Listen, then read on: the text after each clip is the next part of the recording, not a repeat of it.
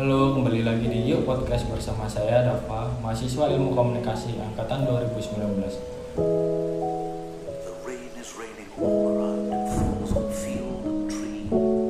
It rains on the umbrellas here and on the ships. Di sini saya akan membahas tentang jenis-jenis program penyiaran.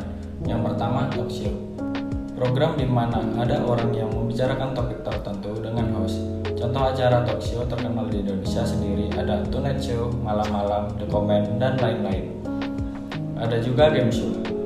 Program ini berisi tentang bintang tamu yang bermain sebuah permainan yang dipandu oleh host. Banyak sekali game show terkenal dari masa ke masa, seperti Banteng Takeshi dan Ninja Warrior yang sangat melegenda. Kemudian ada Current Affair.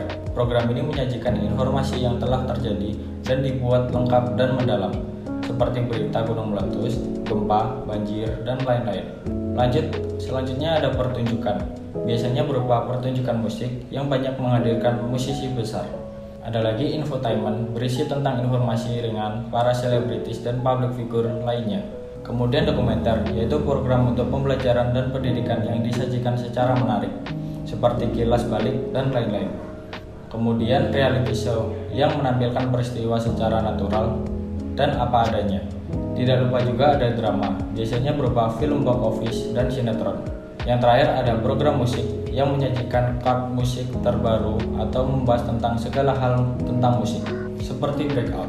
Sampai sini dulu perbincangan kita tentang jenis-jenis program penyiaran. Sampai jumpa di episode selanjutnya.